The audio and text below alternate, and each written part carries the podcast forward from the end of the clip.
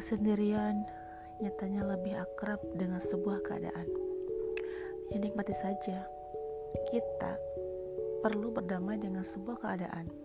Misalnya, berdamai dengan alam, berdamai dengan situasi, berdamai dengan keadaan saat ini. Begitu pula berdamai dengan diri sendiri, terutama hati.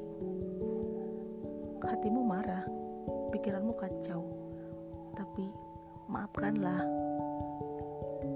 Ini semua tidak ada yang salah. Yang salah hanyalah kau dipertemukan dengan seorang yang salah. Ya sudah, anggap saja dirimu mendapatkan sebuah pelajaran berharga darinya. Sesuatu yang berjalan mulus tidak akan mulus. Semua akan dipertemukan dengan lika-liku kehidupannya. Cinta misalnya, kau tidak akan langsung tepat bertemu dengan orang yang tepat.